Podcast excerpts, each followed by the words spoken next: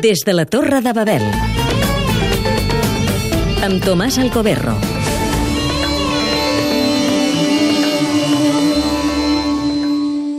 És el mes del ramadà als països musulmans. Un mes que, com va escriure el poeta Josep Carné als seus articles de la publicitat, quan va ser cònsul a Beirut entre el 1935 i el 1936, és a la vegada quaresma i pasqua, abstinència i joia.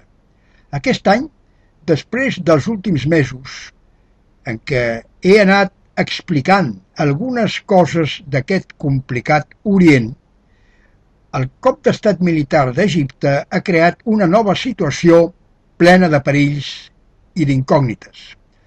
El derrocament i la persecució dels germans musulmans, fruit també de la reacció de molta gent a la seva política autoritària i sectària, és un fet de transcendència regional. A Síria, per exemple, on el règim del reis Bashar al-Assad ha rebut amb entusiasme la intervenció dels militars contra els islamistes, la situació es va decantant a favor seu per l'anarquia i el salvatgisme dels rebels, dominats pels grups salafistes que ja no poden suportar la gent de les seves regions controlades. Gràcies a les armes i els diners, les dictadures de l'Aràbia Saudita i de Qatar s'han convertit en la força més poderosa. Sembla que la història de l'Orient Mitjà torna a agafar un altre camí. Molta gent ja no creu que l'islam sigui la solució.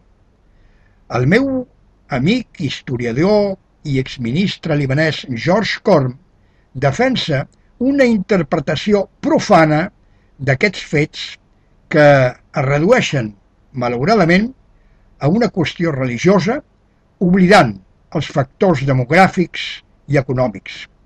És molt difícil descriure aquest Orient desorientat. A l'hora del meu comiat, des de la Torre de Babel, voldria agrair-los la seva atenció i el seu interès.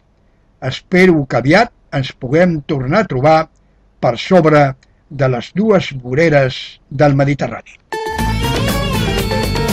Des de la Torre de Babel.